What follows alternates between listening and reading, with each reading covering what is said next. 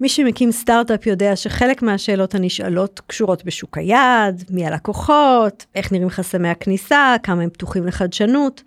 הייטק בפקקים היום בשיחה עם הדר חי, בדרך כלל בצד הזה של המיקרופון. אבל היום הוא בכובע של מייסד שותף ומנכ"ל Jiga, סטארט-אפ שמביא חדשנות לתהליכי רכש וייצור בתעשיות מסורתיות. תכף מתחילים. הייטק בפקקים, מבית Start-Up Nation Central.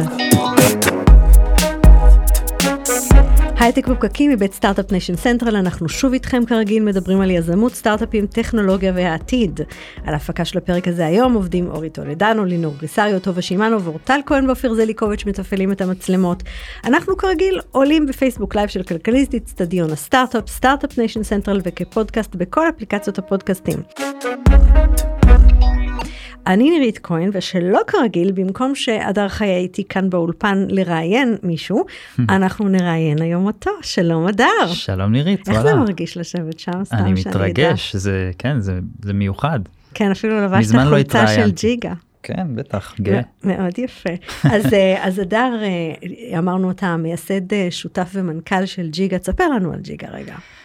כן, אז um, בשביל להבין מה ג'יגה עושה, צריך אולי לדבר רגע על מה הבעיה היום בעולם של החברות uh, היצרניות. כשחברה יצרנית היום צריכה לקנות uh, חלק, תחשבו על חלק שמיועד לפיתוח של מנוע חדש, לצורך העניין.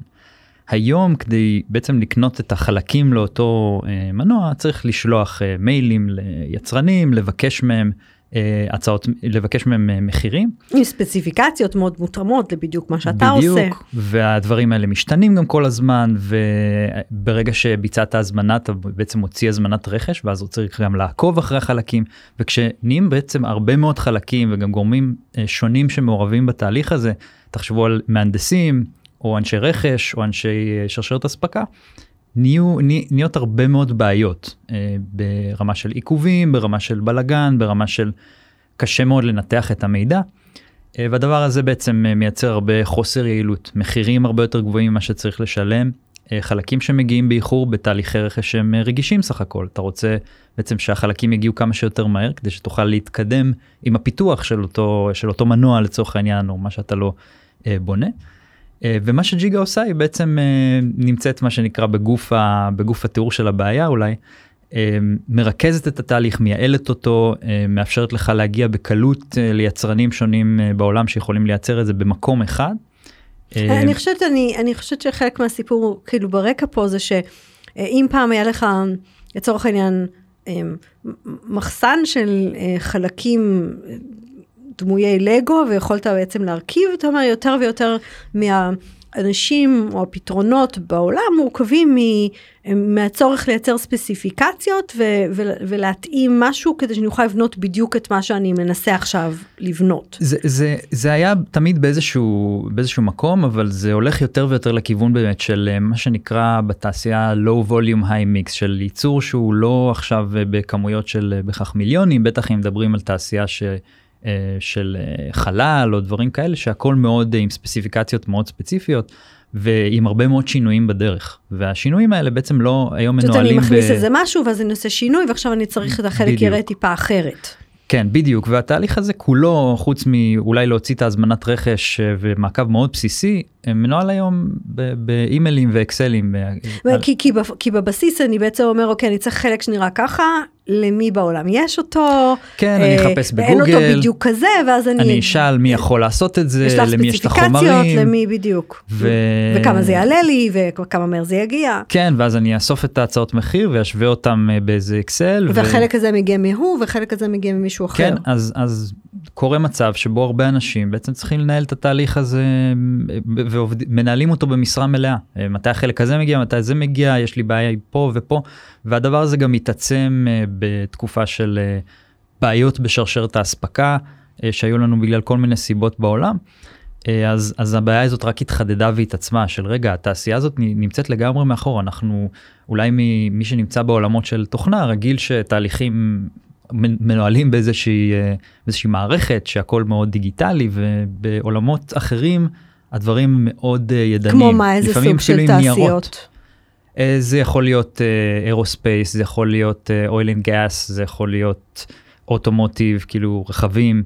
אמ, ועוד ועוד ועוד, זאת אומרת תעשיות מ- רובוטיקה ו... איך התגלגלת לעולם הזה? אתה לא מגיע מתוך, אה, מתוך העולמות של הייצור. נכון, זאת נקודה מעולה, אה, ובאמת שווה להתעכב עליה, אבל איך שאני הגעתי, אה, השותף שלי הוא בעצם מגיע מהעולמות האלה, הוא חווה את הבעיה הזאת בתור אה, יצרן, אה, וכשישבנו ודיברנו על זה, אה, הבנו שהתהליך הוא, יש איתו איזושהי בעיה, זאת אומרת, לא בדיוק הבנו אז מה, לאן צריך לקחת את זה, והתחלנו להתגלגל עם, ה, עם הרעיון, אבל אה, זה באמת הגיע מ, מהשותף שלי, ואני חושב שפה אולי שווה להתעכב על הנקודה הזאת, שדווקא באיזשהו מקום התחלתי עם איזשהו קצת חוסר אה, ביטחון אולי, שאני לא מגיע מהתחום, מה אני יודע, מי אני בכלל. ובאיזשהו מקום הבנתי שהדבר הזה הוא דווקא איזשהו סופר פאוור כזה, שאתה מגיע מעולם שהוא מאוד אה, דיגיטלי, חדשני, אה, ו- ואתה מביא איזה משהו ש... תפיסה שאחרים כבר התרגלו בעצם לאיזושהי זה צורת המטאטא עבודה. החדש מטאטא טוב, אתה פתאום לא מקבל כמובן מאליו משהו שאחרים שאחרים חיים כבר איתי. רגילים איתו בדיוק ו- וזה זה משהו שהוא נשמע אולי קצת כמו סיסמה אבל אתה באמת מרגיש שאתה בא עם איזה חשיבה שהיא מאוד מאוד שונה ממה שאחרים בתעשייה כבר רגילים ו- ועושים אותה וזה נותן לך הרבה כוחות. אני חושבת, אה, אני תכף נדבר על אה, איך בכלל זה התחיל, כי באמת אתם צמחתם ב- היה מסלול צמיחה יפה, אני זוכרת את אחת השיחות הממש ראשונות שלנו, ואתם, אה, ואולי זה חלק מהתפיסה, אני חושבת שהתחלת לשחק עם רעיונות שקשורים בהדפסת תלת מימד, מתוך איזשהו קונספט שאומר שהדפסת תלת מימד זה טיילור מייד וזה אימידיאט וזה, נכון אני חושב שזה באמת התחיל ממקום של בעיה דומה בסוף אה, קשה לקנות חלקים אז בואו אה, כאילו אולי אותם. בדיוק הדפסה היא, היא תהליך ייצור שהוא קצת יותר קל מהבחינה של אה, איך אתה אה, אתה לא צריך בהכרח לשלוח שרטוטים וכולי לא משנה. אה, ואז אולי באמת אם נפתח את הטכנולוגיה הזאת אז אה, זה יכול לעזור. אה, ובאמת אתה מתגלגל עם הזמן ומנסה להבין איפה הבעיות ואתה בחרלת מבין שהדברים לא כל כך פשוטים ולאט מתגלגל ל- לרעיון הנכון או לכיוון הנכון. כן, ש, שבעצם, כאילו אם אנחנו ככה מדברים על האתגרים, אז אמ, אני יודעת שזה לא בדיוק marketplace, כי אתם עושים הרבה יותר מאשר את ה matching, אתם ממש מנהלים את התהליך, נכון. אבל הוא מתחיל, ב, כמו שאתה אומר, ב, בלמצוא, זאת אומרת, כי כאילו זה, זה לא להדפיס, כי לפעמים החומר לא מתאים ואני יכול למצוא. חלק גדול מאתגרי סטארט-אפים שמבוססי marketplace זה להרים את, ה, את ההיצע בעצם בתוך המערכת, ועוד כשאתה מחבר את זה לתעשייה מסורתית, ש, כן. שזה לא טריוויאלי לה, איך, איך אנחנו כן, אז, לזה. אז אם, אם אנחנו באמת הולכים לכיוון הזה של, אה, ש- של היצע וביקוש ב marketplace, אז יש לנו אה, אה, ב-B2B בעצם מערכות יחסים שנבנות בעצם בין עסקים. והיכולת שלך לחבר זה קצת שונה מ... אני צריך מונית, אני כל פעם צריך מונית קרובה אליי, אז אני כל פעם צריך את התוכנה שתמצא לי. המציאה יש לה הרבה יותר ערך מאשר בעסקים שאתה מתישהו כבר מחבר, מייצר את החיבור. זה לא עכשיו כל פעם צורך קטן אולי אפילו כמו ב Fiverr. יצרת את החיבור, נגמר, נגמרה העבודה בעצם של ה marketplace. פה אה, זה קצת שונה, כי הערך שאתה מביא הוא לא רק במציאה, שבאמת המציאה היא, היא כל פעם אה, אה, יכולה להיות שונה, אבל עדיין היא לא כל התהליך, אלא גם בכל מה שקשור בהורדה של החיכוך אה, בדברים. ולשאלה שקשורה לה, לאספקה, אז פה יחסית המצב שלנו הוא יחסית טוב, כי מספיק שהבאת כמה יצרנים ויש לך כיסוי יחסית טוב של, ה, של הצרכים, אה, ומספיק שאתה יודע לנהל את המידע בצורה נכונה, אתה יכול לעזור למצוא, לאנשים למצוא את המצ'ינג הזה עוד יחסית בשלב ראשוני, שזה שונה מאם אתה צריך עכשיו, אה, אם לחזור להשוואה של מוניות, אתה צריך באמת כיסוי מאוד משמעותי של, של supply. של העיר, כן, ופה אתה בשביל, אומר, אה, אתה אומר לספק. אפשר בכמות התחלתית של, בכמות יחסית כן התחלתית לתת, כי הכל אה, כן. הרבה מהדברים הם custom made לצורך העניין אז אתה לא בהכרח צריך איזה אינבנטורי גדול של אה, של דברים ויכולות אלא מספיק שיש לך מספיק יצרנים שיכולים לתת כיסוי רחב של הרבה מהדברים ואתה כבר במצב יחסית טוב. והאתגר הוא הרבה יותר להוריד את החיכוכים בכל השלבים זאת אומרת להוריד את החיכוך במציאה של היצרן זה חיכוך אחד זאת אומרת, במקום ללכת לגוגל אני הולך עכשיו למערכת של ג'יגה ואני, אני מעלה את הצרכים שלי והיא יודעת כבר מראש היא יודעת לתת לי את היצרן הכי כאילו נכון. אני מעלה ספציפיקציות והיא יודעת לתת לך, כן, אוקיי. ויצרן שגם אני יכול לסמוך עליו כי אני הרבה פעמים הולך לגוגל אני לא יודע אם אני יכול לסמוך או לא יכול לסמוך ופה יש איזשהו מרכיב של trust שכבר מוריד לי, יש guarantee, יש כל מיני דברים כאלה שמוריד לי את כל הכאב ראש הזה. אז זה דבר אחד. דבר שני, זה מה שקשור בהצעות מחיר. אני רוצה לקבל הצעות אה, בצורה מסודרת, בצורה מאורגנת, לשלוח אותם בלי, אה, בלי יותר מדי אה, typing ו- ודברים כאלה. ואז גם כל המעקב אה, והשינויים ו- וכל הדברים שקורים בבין לבין, שזה גם תהליך אופרטיבי שהוא אה, מאוד מאוד time consuming ו- ולא יעיל, שבסוף משלמים עליו הרבה מאוד כסף. מאוד מעניין, ובעצם יש פה הרבה אופרציה שהיא לא תוכנה. נכון. זאת אומרת, כן. זה, זה, מאיפה הגעתם לסיפור הזה? כן, אה, אני חושב שפשוט הבנו שבשביל לתת מענה לבעיה, הרי אתה בסוף תמיד מתחיל מהבעיה ו- וגוזר אחורה, והבנו שאנחנו צריכים גם לתת מענה אופרטיבי ולא רק תוכנתי. כמו, מה זה אופרציה? אה, אופרציה זה לנהל אה, את הספקים ולוודא שהם נותנים אה, שירות כמו שצריך. זאת אומרת, אה, אתם, אתם ה-point of escalation, אם משהו הגיע נכון. לא רציתי, לא עמד בלוחות זמנים, ו... נכון, נכון מאוד. אז, אה, אז זה לא מספיק שתהיה רק תוכנה, אלא גם צריכה, ש... צריכה להיות אופרציה מספיק טובה מאחוריה, שתיתן את המענה אה, לבעיות הא- האופרטיביות. איך בונים דבר כזה? אה, אני אפילו חושבת ברמת הארגון, האנשים, הגמישות שלו. נכון. אה. אני חושב, מסתדרים עם מה שיש, הרבה מהדברים אה, עושים בידיים, אה, ועם אה, מעט אנשים שיכולים בעצם לקחת לעצמם. אה, זהו, כאופרציה אני מדמיינת אה, צבא.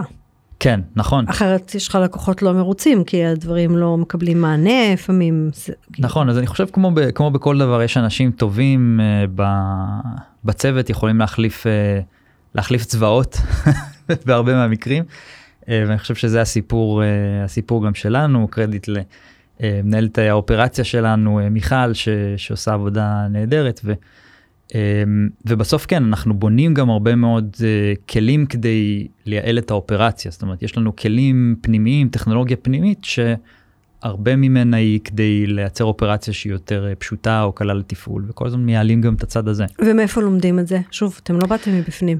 אנחנו פשוט רואים איזשהו כאב איזשהו משהו שאנחנו עושים ידנית הרבה פעמים ואז אומרים כאילו רגע מה אנחנו מבזבזים את ה-X זמן על זה בואו נעש, בואו נעשה לזה אוטומציה. ו- וככה זה כל הזמן זה כן, נבנה על שזה ידי עוד פעם ח- חלק מה-value של marketplace, כי כאילו אולי כל אחד לעצמו זה לא היה שווה לו להשקיע, אבל אתם יכולים להשקיע בזה, כי כן. אתם רואים את זה לרוחב. אה, כן, לקוחות. ובאמת, אה, כן, זה, זה, זה ברמת הפלטפורמה, זה אפילו לא marketplace, זה ברמת כל, כל חלק מהתהליך שהוא אמ, לא יעיל, אנחנו מוצאים לו איזשהו, אוקיי, רגע, איך אפשר לעשות את זה יותר יעיל, ואיך אפשר לשפר, ואיך אפשר לייעל את התקשורת בין הצדדים, אמ, וזה, וזה ongoing, כאילו, כל הזמן, כן. האמת היא שזאת צריכה להיות תקופה מאוד מאתגרת, כי דווקא בשנים האחרונות אנחנו חווינו הרבה מאוד בעיות באספקה, בשילוח, בזמינות. אה, כן, שזה דווקא משחק לטובתנו סך הכל, כי אני חושב שהרבה שנים ה-supply chain הייתה פונקציה שהיא לא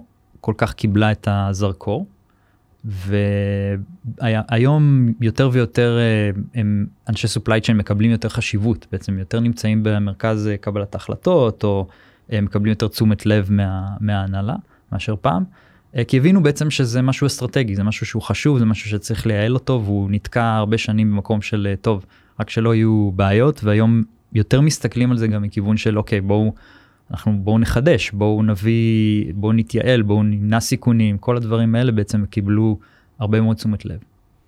אז אם אני ככה חוזרת לדרך שעשיתם ומאיפה שהתחלתם, את- במה, איזה טיפים אתה נותן היום ליזם בעולמות האלה, שזה לא רק אה, תוכנה וזה לא בהכרח אתה בא מהתחום וזה עולם עם ככה פחות מורגל בשיח של חדשנות.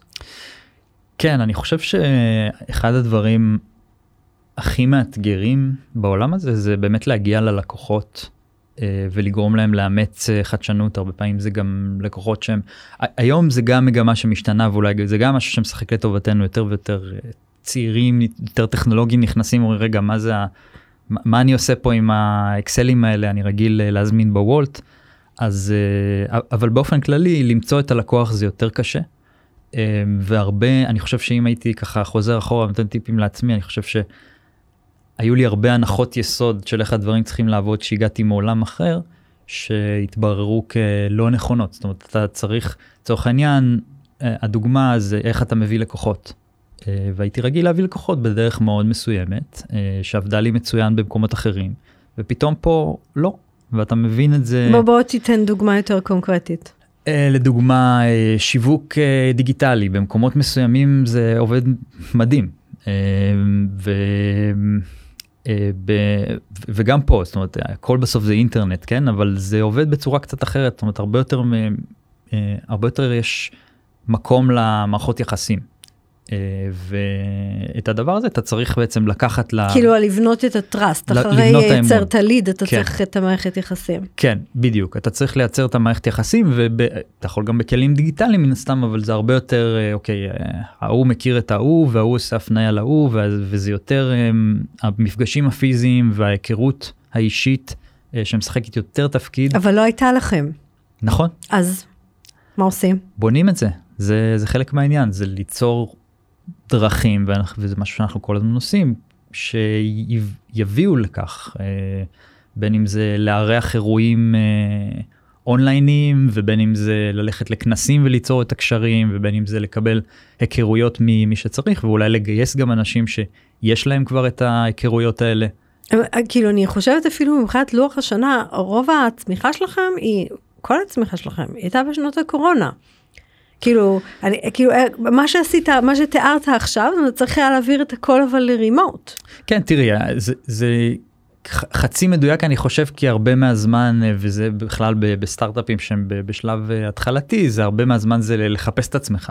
וזה לעשות הרבה טעויות, וזה להבין דברים, וזה לא שאיך שהתחלנו ישר, כאילו, התחלנו לצמוח, וזה קרה לא כל כך מזמן.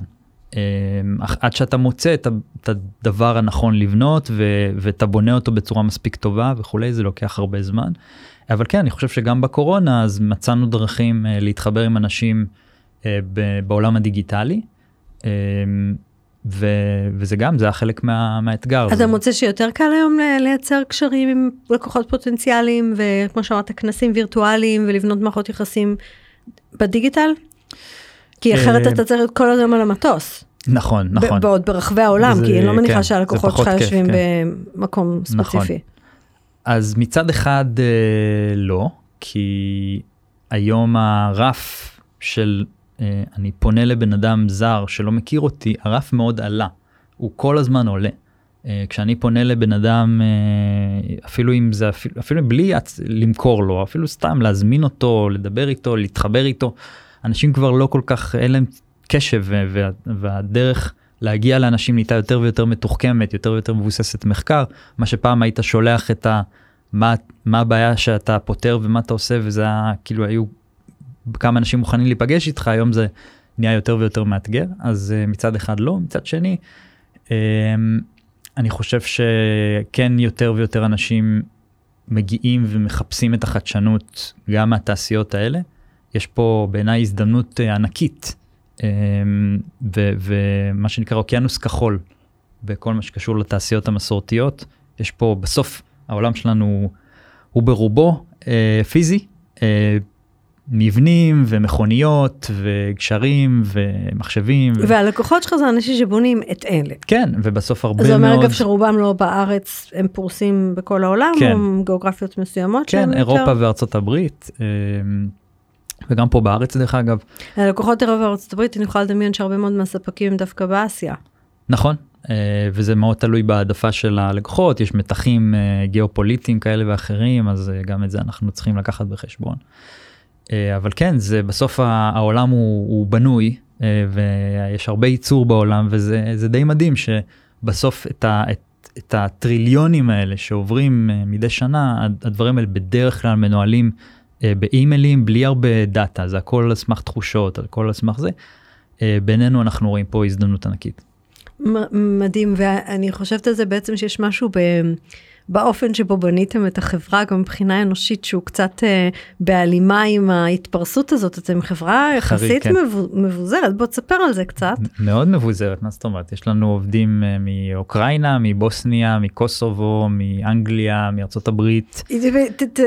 תעצור אותי רגע על כן. התהליך, ונשים בצד רגע את אתה צריך לשים עובד איפה שאולי יש לקוח, זה, זה קצת יותר ברור, אבל כן. אתה צריך לגייס, תן לי דוגמה לפונקציה, ואתה קם בבוקר ואומר, מאיפה אני אמצא אותה, או איך אני אמצא את הבן אדם הכי מתאים, או איך זה עובד. ברור, כאילו יש uh, פונקציות שדי ברור מאיפה אתה תגייס אותם. לצורך העניין, אם השוק שלך הוא בארצות הברית, אז אתה תלך ותחתור לגייס בארצות הברית. אמ, בדרך כלל אנחנו מוצאים נגיד אבל אתה יודע ליבות אנחנו אומרים נגיד הפיתוח בארץ כן. ויש לנו את האנשי מכירות איפה שהלקוחות אבל אתם עושים את משהו יותר מבוזר מזה. כן אז אז זאת הייתה בחירה מאוד מודעת uh, לייצר חברה שהיא fully remote אה, אוריינטציה למה? לגמרי של remote. למה? כי אנחנו הבנו שיש בזה הרבה הזדמנות. אמ, גם ברמה של diversity אה, של, של talent והיכולת שלנו בעצם להיות פתוחים לכל העולם. כשאנחנו רוצים talent חדש אז אין לנו שום מגבלה מבחינה של uh, uh, מקום, שהיא מאוד מאוד נותנת לנו הרבה מאוד חופש, בטח אם אתה רוצה להביא אנשים שהם חזקים בנישה מסוימת. אז אתה אומר איפה יש את האנשים שמתאימים למה שאני צריך באופן בלתי תלוי בלתי לאיפה. בלתי תלוי, כן. אבל יש לזה מחיר מאוד גבוה. יש לזה מחיר, נכון, לגמרי, המחיר של ה-DNA וכולי, אה, אבל אני חושב שאם אתה... DNA, תקשורת, אוברהד, אינטגרציה, כאילו סגירת מעגלים, אנחנו שומעים ארגונים מתלוננים על זה שאנשים עובדים מהבית, בת... בתוך תל אביב, נכון. ואז הם לא סוגרים מספיק מהר מעגלים. נכון, אז תראי, היום החברות, הרבה מהחברות עובדות באיזושהי קונסטלציה בעבודה מרחוק, נכון? זה גם חברות שכולם פה בישראל, הם עדיין הרבה מהם עובדים מרחוק, ואפילו אם הם עובדים במשרד, הם עדיין לא בהכרח כל הזמן אה, ביחד. ואני חושב שדווקא העבודה מרחוק מייצרת יותר את הרצון והכמיהה הזאת לביחדנס הזה. אה, ובגלל זה הייתה החלטה מודעת ל- ללכת ל- לכיוון הזה all in כזה, של להגיד אוקיי, אנחנו בונים את החברה ואת ה-DNA שלה. בצורה כזאת שהיא תהיה ידידותית מאוד מאוד לעבודה מרחוק. אז מה עושים? איך עושים את זה? אז דבר ראשון מייצרים אה, הרבה אה, מה שנקרא קודם כל אתה צריך לדעת לנהל את המידע בצורה כזאת שהיא אסינכרונית אה, ובצורה כזאת שלאנשים יש נגישות אליה בצורה פשוטה. את השיחות האלה של, ה, של המטבחון אז גם את זה אתה, אתה צריך לדעת לייצר ולדעת לייצר הפעלות ו, ודברים שבעצם יקרבו את האנשים ולא רק. אה, זה, זה בן אדם שאני עובד איתו ואין לי מושג מי הוא, אלא באמת שיהיה פה קשר אה, אישי ויש לנו צורת עבודה לדבר הזה, עם המפגשים השבועיים וכל מיני דברים שאנחנו עושים אה, להפעלות. יש לנו גם offsite פיזי פעם בשנה שאנחנו מביאים את כולם ביחד ו, אה, ו, ועושים דברים באמת כדי להתחבר וזה גם מייצר איזשהו קסם מאוד מיוחד. של תרבויות שונות שהן מתחברות ופתאום האמריקאי מסתלבט על האנגלי והאנגלי נוצר פה משהו מאוד מיוחד ואני חושב שזה מושך גם אנשים מאוד ספציפיים.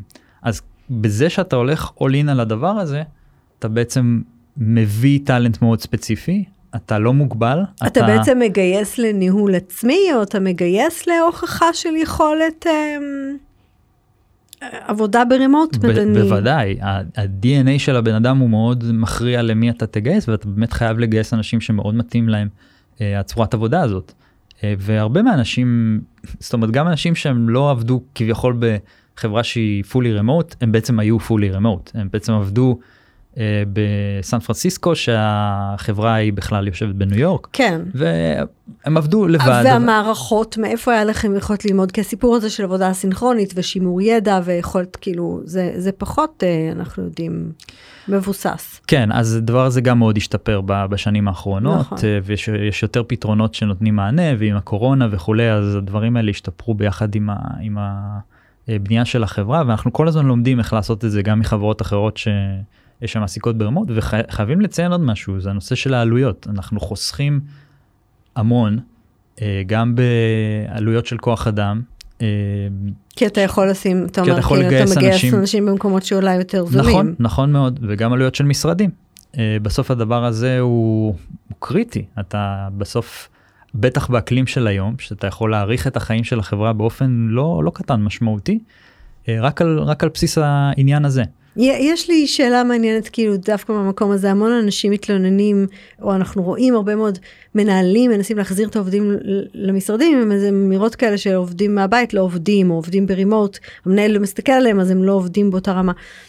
כמי שזה זה, זה חברה שלו איך אתה מוודא שהתפוקות שאנשים נותנים לך הם, הם באמת מה שהיית מצפה לקבל, בגלל שלא כולם יושבים כל הזמן ביחד. אני חושב שהתפיסה של אני צריך להסתכל על עובד ולראות אם הוא עובד או לא עובד בשביל uh, לראות אם אני, הוא מביא תוצאות, היא, היא במקור שלה לא, היא שגויה בעיניי, כי אתה לא בהכרח חייב לספור לעובד שעות, אתה לא בהכרח חייב לראות אותו כדי לדעת אם הוא מביא תפוקות, אתה בסוף רוצה למדוד אותו על, ה, על התפוקה שלו, והתפוקה היא לא, היא לא צריכה להימדד בנוכחות פיזית. וזה ממש מדדי תפוקה כן, אובייקטיביים? יש KPIs ש, ש, כן, ש, שעובדים צריכים לעמוד בהם, ו, ולגמרי, העובד יודע על מה הוא נמדד, ועל בסיס זה הוא גם יודע שהוא לא, הוא, הוא לא מחויב לעבוד את ה-X שעות הזה, כל עוד הוא מגיע למה שהוא צריך, לה, והוא גם עובר את זה, ובאמת זה, זה משהו שצריך להיות מאוד uh, בתרבות, זאת אומרת, אם,